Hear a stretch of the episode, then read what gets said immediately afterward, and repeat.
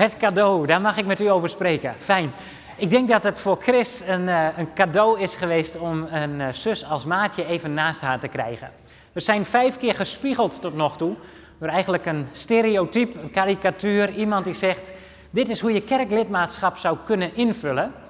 Dit is hoe je zou kunnen kijken naar een verzameling van mensen die al 2000 jaar samenkomt en meent op een bepaalde manier een organisatie in stand te moeten houden om daarmee te kunnen blijven zeggen, de kerk is er.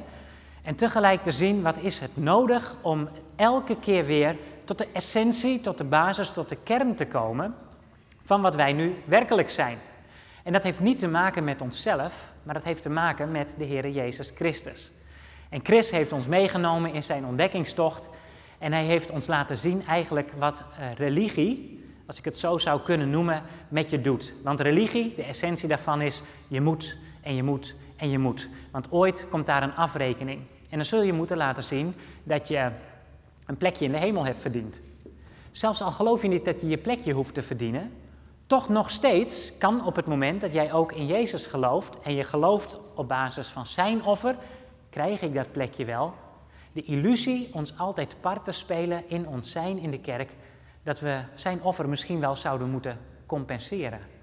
Door nog steeds te moeten en te moeten en te moeten. En de Heer die wil altijd alleen maar teruggaan naar de essentie en kijken in jouw leven. Hoe staat het ervoor?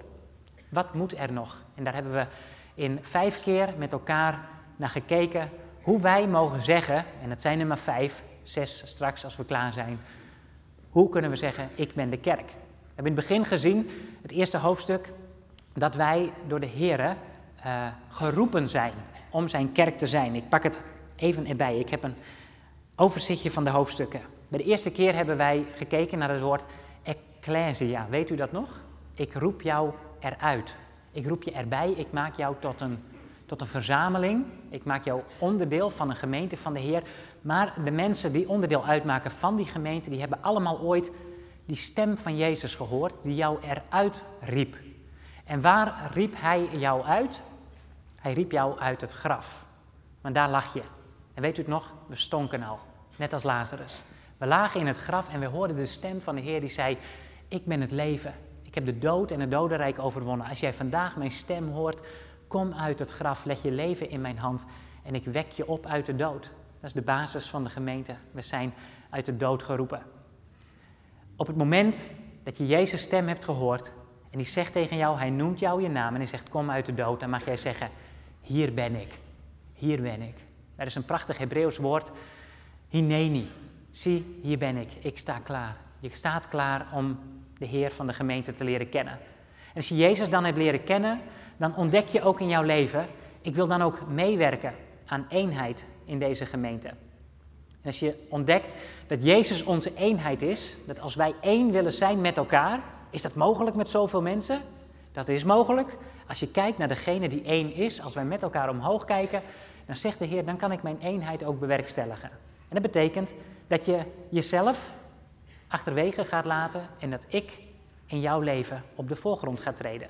Omdat ik je Heer ben. En omdat ik ook nog het beste met je voor heb. Ik breng jou naar een fantastische plek, maar ook de gemeente als eenheid. Daarna hebben we gezien dat als wij dan dat ontdekt hebben, we ook eigenlijk onze voorkeuren en onze verlangens, zoals de Heer ons heeft gemaakt, persoonlijk en uniek als we zijn, ook mogen ontdekken dat dat lukt niet altijd op alle fronten. Om mijn voorkeuren en mijn verlangens tot uiting te brengen. Maar ik leg mijn voorkeuren en mijn verlangens af aan de Heer en ik zeg, Heer, geef dat in uw gemeente, wat uw voorkeur heeft en wat uw verlangen is, dat dat zichtbaar wordt. En het mooie is, als je dat doet, dan krijg je zelf zo'n vrede in je hart dat je ontdekt, hier mag ik bijdragen aan het getuigenis van de Heer Jezus zelf. Er is u gevraagd om te bidden voor uw voorganger en om te bidden voor uw leidinggevende. En dat is niet omdat de gemeente zelf minder gebed nodig zou hebben. Daar moeten we net zo hard voor bidden en wij doen dat. Maar de oproep tot gebed, die komt daaruit voort dat wij het als leidinggevende nodig hebben. Dat wij aan de Heer Jezus verbonden blijven. En dat wij ook de verantwoordelijkheid dragen om te zeggen: wij gaan als gemeente achter de Heer Jezus aan en geen enkele andere kant op. We gaan niet naar links, we gaan niet naar rechts, met alles wat er op ons afkomt, maar we houden vast aan Gods woord en het is Jezus Christus waar u ons aan mag houden. Bid u daarvoor, dat we daarbij zullen blijven en dat we niet zullen wankelen in het getuigenis dat Jezus Heer is. En vervolgens hebben we gezien van daaruit dat wij als collectief, als vaders en moeders, als ooms en tantes, als broers en zussen, als opa's en oma's, als kinderen en kleinkinderen, dat wij met elkaar als één collectief optrekken en dat wij het nodig hebben om te zeggen, we moeten trouw zijn. We moeten trouw zijn aan de Heer. En omdat we trouw zijn aan de Heer, zullen wij ook trouw zijn in het meenemen van elkaar en in het aansporen van elkaar. Kom naar de dienst en ga naar je kring en zoek je broers en zussen op, want je hebt het nodig om zelf met de Heer Jezus op een liefdevolle manier steeds weer geconfronteerd te worden, gespiegeld te worden. Maar wij hebben jou ook nodig om ons te spiegelen. We kunnen niet zonder elkaar. Ik zal mijn gezin laten zien wat gezond kerklidmaatschap is. Om dan vandaag aan te komen bij het laatste hoofdstuk. En dat is, ik zal het kerklidmaatschap, ik zal het koesteren als een cadeau. Nou, ik denk dat het voor Chris, die hier net voor de zesde keer zat, een cadeau was om een zus als Maartje even naast zich te hebben. Ik denk dat hij zijn best heeft gedaan om de Heer terug te geven wat de Heer aan hem wilde geven. Maar wat hij eigenlijk mocht ontdekken was om even te kunnen zitten en iemand naast zich te kunnen krijgen die zegt: Hallo, ik ben Maatje en wie ben jij? Die hem zag en die hem kon bemoedigen en die kon zeggen: Joh, je neemt wel heel veel hooi op je vork. Wie eist dit van jou? Volgens mij doe je het zelf. Het is een cadeau. Het is een cadeau wat je uit de hand van de Heer ontvangt. Om ook nu, hier, op deze plaats te zijn, in die stoel te zitten, naast jouw buurman of buurvrouw en te zeggen: hier zit ik en ik heb dat als een, een cadeau ontvangen. Nou, de essentie van een cadeau. Soms kom je erachter dat je een cadeau krijgt waarvan je de waarde nog niet eens kent. En ik denk wel eens, eh, als ik alleen al aan de Heer Jezus denk, of aan het zijn in de gemeente, beseffen wij al hoe ontzettend rijk wij zijn, überhaupt, in het feit dat we hier kunnen zitten. En dat we het kunnen hebben over zulke grote waarheden. Dat we het kunnen hebben met elkaar over leven en dood, over hemel en hel, en over de eeuwigheid. We zijn zo bevoorrecht. En de Heer zegt, en ik wil dat jullie doorgaan op dat pad, want ik geef jullie iets waarvan je zelfs in dit leven nog niet de volle omvang zult bevatten. Zo groot is dat cadeau. En dat cadeau is het waar we het nu over hebben. De Heer wil ons een cadeau geven. Nou, over anderhalve week ben ik jarig. Ja. Mag u raden hoe oud ik word? 35. Ja, heel goed. Ja, bedankt, Nettie. Super. En uh, ik, uh, ik, ik hou van cadeautjes. Vroeger, opa. opa was hier predikant en die nodigde dan de hele gemeente zelfs uit. maar ik heb het uh, besloten niet te doen. Maar ik weet al wel dat er een cadeau is besteld en dat het intussen is bezorgd. Want ik mag al sinds anderhalve week niet op mijn privé-account kijken, omdat bol.com daarop binnen laat komen wat, wat er besteld is. Dus ik mag niet meer daarin kijken, want het moet een verrassing blijven voor mij. Ik heb al wel op internet bankieren gezien. ja. Dat het dit jaar geen nieuwe racefiets wordt. maar we gaan het zien. Weet je, het leuke is, ik weet wel, Leonie en de jongens weten wat het is. En zij hebben voor mij uh, iets bedacht waarvan ze weten dat zal Jacob mooi vinden. Want ze kennen mij. En over twee weken zal ik bevestigen of het zo is. nee hoor. Maar als je een cadeau geeft aan de ander, dan geef je die ander iets op het moment dat hij of zij dat eigenlijk niet verdient. Tenminste, ik kan niet helpen dat ik jarig ben. En ik kan het ook niet helpen dat ik op een wereld geboren ben. We doen dat bijna over de hele wereld notabene. Om op de dag dat je dan 14 jaar ouder wordt, om elkaar een cadeau te geven. En toch komen er dan mensen, en in dit geval zullen dat voor mij Leonie en de jongens zijn, op die ochtend bij me en ze zeggen, we, we hebben iets voor je. En we hebben ons afgevraagd, wat zou jij mooi vinden? En, en wat kunnen we je geven? Omdat we willen uitdrukken hoe ontzettend blij we met jou zijn. Nou, de Heere, de Heere heeft een cadeau bedacht. En uh, voordat wij met elkaar kijken, want ik heb al benoemd dat het zijn bij de gemeente van de Heer een groot cadeau is, van zijn kant naar ons toe, wil ik eerst kijken naar de Heer Jezus zelf. Want die krijgt ook een cadeau van zijn vader. En ik lees daarover met jullie uit Johannes hoofdstuk 10, vanaf vers 27. Jezus zegt daar: Mijn schapen luisteren naar mijn stem. Ik ken ze en zij volgen mij. Ik geef ze eeuwig leven. Ze zullen nooit verloren gaan en niemand zal ze uit mijn hand roven. Wat mijn vader mij gegeven heeft, gaat alles te boven. Niemand kan het uit de hand van mijn vader roven. En de vader en ik zijn één. De Vader en ik zijn één. Dat is wat de Heer Jezus ons laat zien. Als Hij naar deze wereld komt en Hij maakt zichzelf bekend, dan legt hij nadruk op die woorden van de Vader zelf. Niemand komt bij mij als die niet door mijn Vader aan mij gegeven wordt. Dus als Jezus zegt, ik heb een, een cadeau gekregen van mijn Vader, dan zegt hij hier letterlijk, dat zijn alle schapen die naar mijn stem luisteren.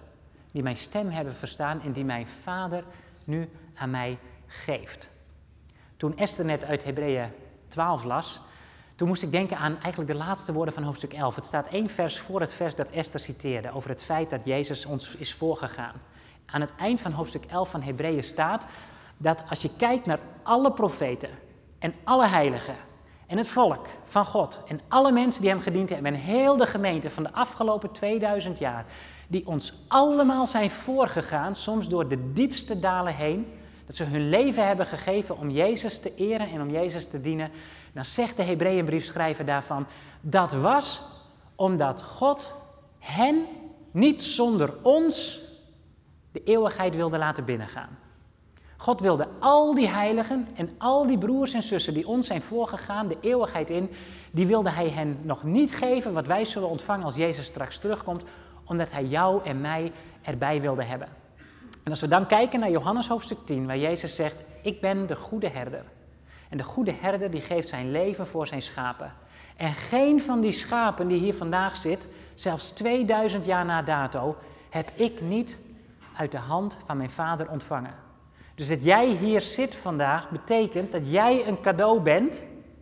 En dat jij het cadeau bent dat de Hemelse Vader aan zijn Zoon, de Heer Jezus, geeft. Je kunt ervan vinden wat je wilt, maar hier staat het. Wij zijn het cadeau voor de Heer Jezus. Weet je, als je kijkt naar wie God is, Vader, Zoon en Heilige Geest, dan zou je, als je de schrift leest, kunnen concluderen, die drie ene God die wij niet kunnen vatten, ik kan het u niet uitleggen, maar hij is zo machtig en zo genadig, die heeft genoeg aan zichzelf. Vader, Zoon en Heilige Geest. Uniek, volmaakt, heilig in de eeuwigheid. De vader kijkt naar zijn zoon en die houdt van hem. En de zoon die aanbidt de vader. En de Heilige Geest is daarbij. En ze zijn volmaakt. En ze hadden niet hoeven scheppen wat ze geschapen hebben. En toch zegt die Heer, die drie ene God, zullen we niet gaan delen wat we hebben? Zullen we niet wat, wat wij zijn, Vader, Zoon en Heilige Geest, zullen we het niet gaan delen door een schepping te creëren, een volmaakte schepping? En zullen we, als wij die schepping hebben gemaakt, zullen we dan niet mensen maken naar ons beeld en naar onze gelijkenis, zodat wij kunnen uitdelen, zodat we een cadeau kunnen geven, zodat we ze kunnen laten zien, kijk eens hoe prachtig alles is geschapen. Ik heb het voor jullie gemaakt. Jullie mogen hierover heersen. En jullie mogen mij aanbidden, want ik zal met jullie wandelen in die hof. God deelt zijn liefde en zijn genade uit. Dat is het karakter van wie God is. En dan zie je dat de mens geschapen wordt en God houdt van die mens. Hij zegt, dit is hoe ik het bedoeld heb. Het is meer dan goed. Het is perfect. Het is volmaakt. Tot het moment dat de mens zegt, dat cadeau, we snappen het niet helemaal. Het was een leuk cadeau, maar we leven toch liever voor onszelf. En ze trappen eigenlijk God op het hart. En het cadeau, het gaat kapot. De schepping wordt gebroken. En Jezus komt naar deze wereld. En die zegt, ik kom terug roven wat er bij mijn vader is weggestolen. Toen het cadeau kapot ging en de mens in zonde viel. En dan kijkt hij naar al die schapen die hij bij name kent, zoals een goede herder betaamt. En hij geeft zijn leven voor zijn schapen en hij zegt, ik kom jou terughalen, ik kom jou terughalen, ik kom jou terughalen, ik kom jou terughalen. Ik haal jullie allemaal terug. Ik neem jullie weer mee naar die plek. Want jullie zijn het cadeau dat de Vader aan mij wil geven. Dat is mogelijk dankzij hetgene wat wij in Romeinen hoofdstuk 5 met elkaar lezen. Romeinen hoofdstuk 5, vanaf vers 15, daar schrijft Paulus: De genade, die gaat de overtreding van Adam ver te boven. Door de overtreding van één mens moesten alle mensen sterven, maar de genade die God aan alle mensen schenkt door die ene mens, Jezus Christus, is veel overvloediger.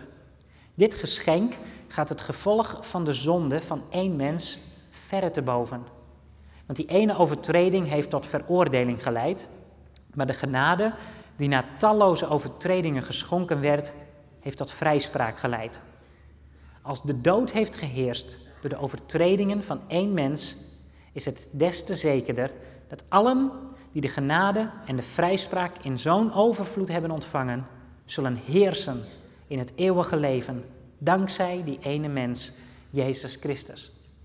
Paulus beschrijft hier in een notendop wat er gebeurd is toen Adam in zonde viel en wij in zijn kielzog met hem meegesleept werden. En tot op de dag van vandaag worden we geboren en kijken we naar onszelf.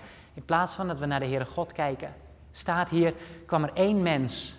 En die Heer Jezus die kwam en hij ging op de weegschaal staan. Hier onze zonde. De zonde van, van, van, van 1500 mensen in deze zaal. De zonde van vele miljarden van de hele wereld. Over een geschiedenis van duizenden jaren aan de ene kant. En dan hier de glorie van de Heer Jezus. En het is niet te nauwe nood. Nee, het gaat daar ver bovenuit. De weegschaal die slaat zo ontzettend door. Jezus maakt in één keer korte metten aan alle narigheid, aan alle zonde en aan alles wat er mis is gegaan in mijn leven en in jouw leven. Dat is Jezus. En Jezus openbaart zichzelf en wat staat er dan in vers 16? Dit geschenk gaat het gevolg van de zonde van één mens ver te boven. Jezus zelf wordt nu als een geschenk aan ons voorgespiegeld, aan ons getoond. Waar we eerst zagen, wij zijn het geschenk dat de Heer Jezus ontvangt uit de hand van zijn Vader. Daar weten we dat dat alleen kan omdat Jezus ervoor koos zelf ook een geschenk te worden. God had de wereld zo lief, God heeft jou zo lief gehad dat Hij zijn enige geboren zoon gegeven heeft. Dat iedereen in Hem gelooft niet verloren gaat, maar eeuwig leven heeft. Jezus durfde dat geschenk te worden. Nou, ik gaf al aan, de Vader, die weet wel waar Hij aan begint op het moment dat Hij tegen jou zegt, ik geef jou aan mijn zoon. Ik volmaak jou, ik wil jou perfect hebben en ik zie het met jou zitten. In mijn zoon, de Heer Jezus, maak ik jou klaar om straks voor Hem te verschijnen en te zeggen, hier ben ik, ik mag van U zijn. Maar wat een voorrecht dat dat kan, omdat het mooiste geschenk dat God ons kon geven, zijn eigen zoon was. Hij heeft de hemel leeg gegeven. Wat ons partner speelt in een leven zonder de Heer, in een leven, in een wereld die aan de Heer voorbij gaat, is dat die wereld op dit moment nog beheerst wordt door zulke andere machthebbers. Zulke andere gedachten die ons soms ook parten kunnen spelen. En we zagen met elkaar, als ik nog even terug mag, René, zoals het in de eerste dienst ook ging, wij zullen, staat er, heersen in het eeuwig leven. Dankzij die ene mens, Jezus Christus. Dan neemt de Heer ons namelijk ook mee, als wij hebben ontvangen uit zijn hand, dat wij het cadeau zijn, dat God aan het voorbereiden is om uiteindelijk aan zijn zoon, de Heer Jezus, te geven, dat dat samenhangt met een vooruitzicht dat wij hebben op een plaats waar wij met Jezus zullen zijn en dat niet alleen. We zullen ook met Hem heersen. We zullen delen in Zijn luister. We zullen genieten van Zijn glorie, maar ook zelf zullen wij gezien worden als de kinderen van de Allerhoogste. Hij geeft ons die plek, die ultieme plek bij Hem aan het Vaderhart in dat koninkrijk van Christus. Wij zullen met Hem heersen, staat er dan in Romeinen hoofdstuk 5, vers 17. Dan probeer ik de vertaalslag te maken naar mezelf en wat we als gemeente daarvan mogen oppakken. En dan is het eerste dat wij over heersen leren van de Heer Jezus. Op het moment dat Petrus naar zijn zwaard grijpt. Hij zegt, Petrus, wie naar het zwaard grijpt, die zal door het zwaard omkomen. Wij zijn niet opgeroepen om andere mensen kort en klein te slaan. Om ze het evangelie van de Heer Jezus op te dringen. Maar als Jezus nu, ik kan het breder maken, maar ik beperk het vandaag tot mij spreekt en zegt, Jacob, jij zult heersen in het eeuwig leven, dankzij die ene mens, Jezus Christus. Weet u, dan voel ik mij uitgedaagd door de Heer zelf om mezelf te gaan beheersen. Ik denk dat een ultieme vorm van heersen in de gemeente van de Heer Jezus Christus een samenraapsel van de heidenen kan zijn, waarin mensen, omdat Jezus hun Heer is geworden, kinderen van de Allerhoogste zijn geworden, die uiteindelijk ook kunnen zeggen, omdat ik mag optrekken met andere cadeautjes, cadeautjes die ik niet had uitgezocht, maar die de Vader heeft uitgezocht voor zijn zoon omdat ik mag optrekken in een gemeente waarin ik word geconfronteerd met mijn eigen tekortkomingen, met mijn eigen lek en gebrek. Omdat ik mag optrekken met broers en zussen van wie ik hou. En met broers en zussen die ik misschien zelf niet gezocht had. Heren, wil ik leren om van daaruit ook nog eens in een wereld waarin ik zulke andere neigingen kan hebben en zulke andere gedachten, om mezelf ook te gaan beheersen. En daarin voedt de hele schrift ons op. Als ik naar Galaten 5 met u kijk, ik heb ze voor mezelf op een rijtje gezet, dan staat daar wat de vrucht van de geest is. Die is namelijk liefde, vreugde, vrede, geduld, vriendelijkheid, goedheid, geloof, zachtmoedigheid en zelfbeheersing. Dat is de laatste. Liefde, vreugde, vrede, geduld, vriendelijkheid, goedheid, geloof, zachtmoedigheid en zelfbeheersing. Het zijn de negen. Negen partjes van één vrucht van de geest. En langs de vrucht van de geest en de uitwerking van de Heilige Geest in ons leven is de Heer bezig om het cadeau, om de bruid, zoals we het ook zouden kunnen noemen, om de gemeente van de Heer Jezus voor te bereiden op de dag die komt dat we voor Hem zullen staan. En we zullen zeggen, Heer, liefde, vreugde, vriendelijkheid, blijdschap, zelfbeheersing, zachtmoedigheid, al die aspecten, Heer, u was er nog niet mee klaar, maar u was druk bezig in mijn leven om mij tot zelfbeheersing te brengen. Om mij steeds meer te willen laten lijken op de Heer Jezus zelf. Volgens mij, als wij daaruit leven, krijgen we te pakken wat het cadeau dat God ons geeft ook betekent. Dat wij in een gemeente zitten waarvan we mogen zeggen: Heer, doe er maar een strik omheen. Maar wat ons betreft komt u, want hieruit willen we leven. Wij zijn het cadeau aan u. En realiseer je dat als je naar je broers en zussen kijkt.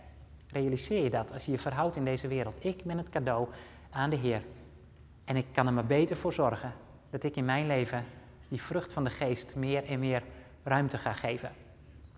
Op basis waarvan willen we dat doen? Ik wil nog één keer met jullie kijken naar het geschenk van de Heer aan het einde van deze serie. En dat doe ik door van Genesis tot Openbaring met u te gaan in 8 minuten 32. we gaan zien. Het cadeau. In Genesis 3, vers 12. Daar zien wij Adam en Eva, die dat geweldige cadeau van God, dat ze in eerste instantie kregen, niet, niet gevat hebben. Ze kregen de uitdaging om voor zichzelf te gaan leven en ze zijn erin gestapt. Ze hebben gezegd, we gaan voor onszelf leven en wij kunnen wel zonder degene die ons alles heeft gegeven. Wij kunnen wel zonder de bron van het leven, onze schepper. En ze komen op eigen benen te staan en ze merken, zodra ze dat doen, dat ze zich, uh, dat ze zich rotschamen voor het feit dat ze zo op Gods hart getreden zijn. Het is eigenlijk als tegen iemand, hè, de Heer komt en Hij geeft ons het allermooiste. Als mensen nee zeggen tegen Jezus. Als wij nee zeggen tegen onze geliefden, die komen met iets moois wat ze voor ons bedacht hadden en zeggen, hoe, kom je, hoe, hoe haal je het in je hoofd om dat voor me te kopen? Hoe kom je daar nou bij?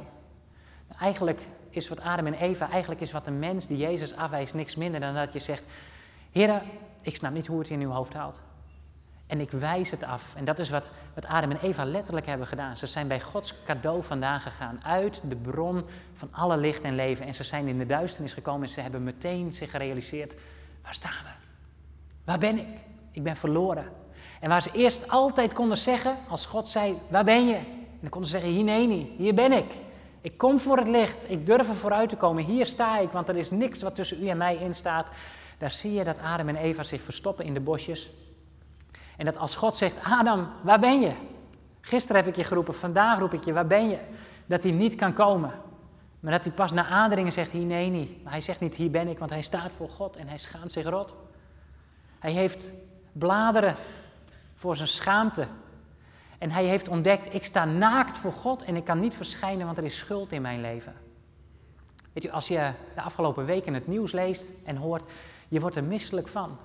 Zoveel mensen die decennia lang in de bosjes hebben gezeten en nu noodgedwongen uit de bosjes moeten komen. En dan zeggen, hier ben ik en je kunt het niet. Je vertrekt naar de achtergrond en je wordt depressief. God roept Adam naar voren en zegt, Adam, met de billen bloot, waar ben je? En Adam komt uit de bosjes en wat doet de Heere God in Genesis hoofdstuk 3 vers 12? Nadat er een vloek over de schepping komt, dan neemt hij Adam en Eva mee en hij slacht een dier. Of hij slacht misschien wel dieren. Dan staat er en hij bedekt ze met de vellen van die dieren.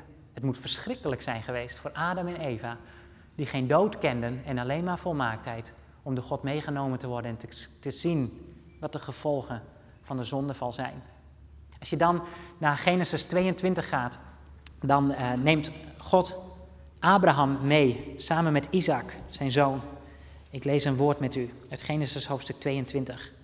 Want God die wil Abraham op de proef stellen en dan zegt Isaac, vader, zei Isaac, wat wil je me zeggen, mijn jongen? antwoordde Abraham. We hebben vuur en hout, zei Isaac. Maar waar is het lam voor het offer? Abraham antwoordde: God zal zichzelf van een offerlam voorzien, mijn jongen. En samen gingen ze verder. Hier wordt een vader door de Heer op de proef gesteld met de vraag: Zou je je zoon aan mij geven? En Abraham gaat in het geloof dat op het moment dat Isaac hem vraagt: Vader, we hebben hout en we hebben vuur, maar we hebben geen lam dat geslacht kan worden om een offer te brengen. Heeft hij het geloof om te zeggen: God zal zichzelf voorzien in een lam, mijn zoon? Je moet er niet aan denken. Maar je wordt uitgedaagd en je wordt beproefd. En God uiteindelijk zegt: Ik geef mijn zoon. Zoals Adam uit de bosjes kon komen en mocht merken: Ik sta naakt. Zoals Isaac van Abraham krijgt te horen: God zal zichzelf in een lam voorzien. Zo hebben jij en ik in ons leven mogen verstaan: kom maar uit de bosjes, want je bent niet naakt. Je hoeft niet op het altaar, want God zal zichzelf in een lam voorzien. Wie hing er in mijn plaats naakt aan het kruis op Golgotha toen al mijn schande aan het daglicht moest komen? Het was de Heer Jezus Christus. Wie bedekte mij met de klederen der gerechtigheid en wie zal zorgen dat wij straks in de eeuwigheid niet naakt zijn, maar prachtige witte kleren aan hebben? Het is het lam van God dat de prijs van je leven heeft betaald. Als we doorgaan naar Exodus hoofdstuk 12, daar beschrijft de Heer ons hoe in Egypte als tiende plaag een verschrikking over het land zal komen. Er zal een engel van de dood door het land trekken. En in elk huis zal al het eerstgeborene sterven. Tenzij aan het huis van de personen die in God geloven bloed gevonden wordt. En het volk krijgt opdracht. In elk huis moet een lam geslacht worden. Een perfect lam. Een volmaakt lam. God neemt niet met minder genoegen. Het moet uniek zijn en volmaakt. En de vader neemt de kinderen mee. En ik kan me zo voorstellen dat de oudste vraagt: Papa, waar ben je mee bezig? En dat hij gezegd heeft: Jij gaat eraan of het lam gaat eraan. En het lam gaat eraan en het bloed wordt aan de deurposten gestreken. En de dood trekt voorbij aan dat huis. Als we gaan naar Leviticus hoofdstuk 16, daar zien wij dat er door de Heer de gelegenheid wordt gegeven om één keer per jaar met heel het volk naar Jeruzalem te komen. En dan de priester al de zonden van een heel volk in één keer op de kop van een zondebok te laten leggen.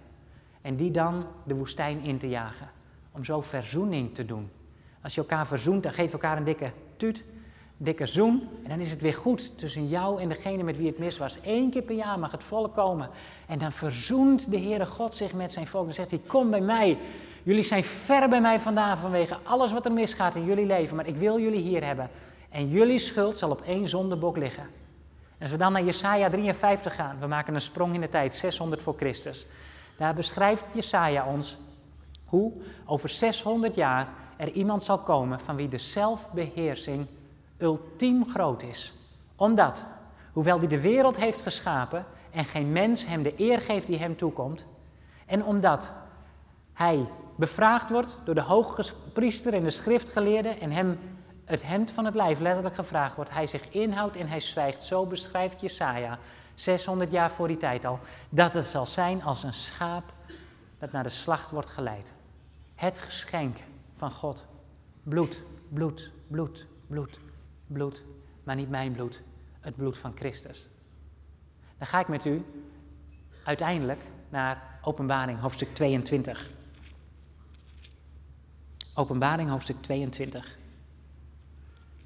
Daar staat: Hij liet me een rivier zien met water dat leven geeft. De rivier was helder als kristal en ontsprong aan de troon van God en van het Lam. In het midden van, de, van het plein van de stad en aan weerskanten van de rivier stond een levensboom die twaalf vruchten gaf, elke maand zijn eigen vrucht. De bladeren van de boom brachten de volken genezing. Er zal niets meer zijn waarop nog een vloek rust. De troon van God en van het lam zal daar in de stad staan. Zijn dienaren zullen hem vereren en hem met eigen ogen zien. En zijn naam staat op hun voorhoofd.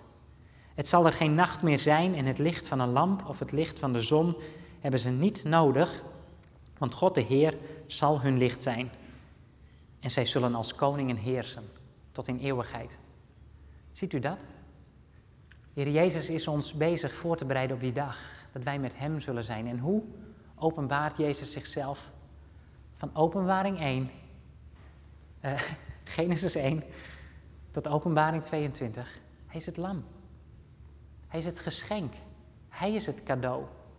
Zit jij hier vandaag en kijk je naar de kerk en zit je in de kerk? Jij bent het cadeau. Jij bent het cadeau van God aan zijn zoon. En als je dat aanvaardt in je leven, dan zul je heersen met Hem tot in eeuwigheid. Wij zullen met Hem regeren. Wij zullen delen in zijn luister. We zullen met Hem zijn op die plaats waar God is, op de troon en het lam, dat waardig is te ontvangen alle lof en alle eer tot in alle eeuwigheid. Zullen we zo met elkaar kerk zijn? Zullen we zo het cadeau van de Heer Jezus zijn en zeggen, Heer Jezus, volmaak ons. Gaat u door met het werk dat u in ons leven bent begonnen. Zoals Jezus zei, hier ben ik. Zoals Abraham zei, hier ben ik. Zo wil ik jou vragen, zeg tegen de Heer, hier ben ik. Maak mij klaar en ik ben graag uw cadeau. In Jezus' naam. Amen. Amen. Ik wil met u bidden.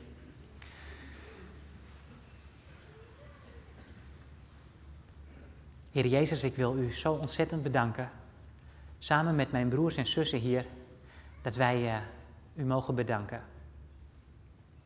Heer, u bent het geschenk, het levende brood, het levend water. U bent onze heelmeester, u bent onze redder. U hebt uzelf gegeven. En Heer, dank u wel dat u onze goede herder bent, wiens stem wij mogen verstaan. En Heer, dat wij het cadeau aan u mogen zijn, dat u ons er hebt uitgelicht. Heer, dat u ons een naam op ons voorheft hebt gegeven. Jij bent van mij. Jij bent van mij. Heer Jezus, dank u wel dat u ons aanvaardt als gift uit de hand van uw Vader. En Vader, dat u uw zoon hebt gegeven Heer, dat u uzelf hebt voorzien in een lam. Heer Jezus, u bent het lam. En we prijzen u met heel ons hart. En ik bid nogmaals, Heer, voor hen die het niet kennen in hun leven. Om gewild, om gewenst, om een cadeau te zijn. Heer, dat u heling brengt en dat u vandaag geeft, Heer Jezus, dat we u mogen ontmoeten. En ik bid u voor uw kerk, Heer, dat er een strik omheen kan dat wij dat mooie cadeau mogen zijn. Bouw ons daarom, vorm ons, kneed ons, omwille van uw naam. Tot die dag dat wij met u zullen zijn, om samen met u te regeren. U komt alle lof toe. En we houden van u. In Jezus' naam. Amen.